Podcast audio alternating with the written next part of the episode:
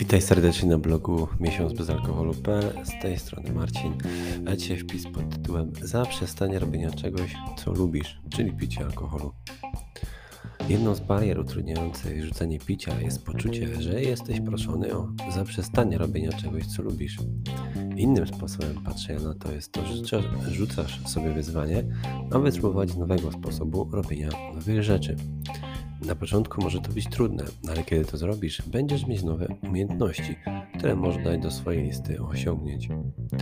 Jeśli jesteś osobą, która lubi podejmować wyzwania, może to być pomocny sposób myślenia podczas walki z nałogiem. Jedną z rzeczy, które naprawdę lubię w piciu, jest siła psychiczna, którą ci to.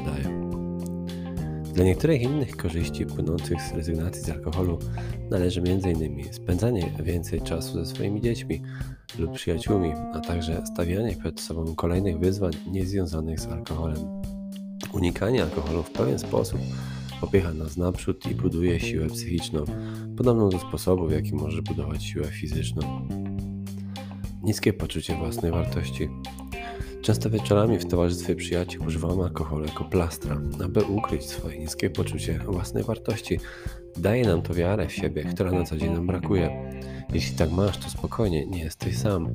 Badania wykazały, że ci z nas, którzy mają niższą samoocenę, piją więcej niż ludzie o wysokiej samoocenie w sytuacjach społecznych, zwłaszcza gdy odczuwamy presję społeczną, aby przynależeć do określonej grupy ludzi. Chodzi o to, że dopóki mamy alkohol, który daje tę pewność, nigdy nie musimy jej dla siebie kultywować. No ale co z większymi celami, jakie mamy w życiu, takimi jak wychowanie dzieci, napisanie książki, zmiana zawodu, czy na przykład założenie biznesu. Nasze sukcesy w życiu zmieniają sposób, w jaki się je postrzegamy jest więc zrozumiałe, że osiągając rzeczy, z których jesteśmy dumni, budujemy naszą samą cenę. Czy to może być odpowiedź na porzucenie alkoholu jako podpory dla naszej pewności siebie? Całkiem możliwe. Niedawne badania wykazały, że osoby z niską samooceną, które niedawno odniosły sukces, piły mniej niż osoby z niską samooceną, które odniosły porażkę. Ostatnie słowo. Zamień gorzałe wiarę na siebie, na wiarę w siebie i zobacz, co naprawdę możesz osiągnąć w swoim życiu. Dzięki wielkie za wysłuchanie i do usłyszenia w kolejnym nagraniu. Trzymaj się sucho. Cześć.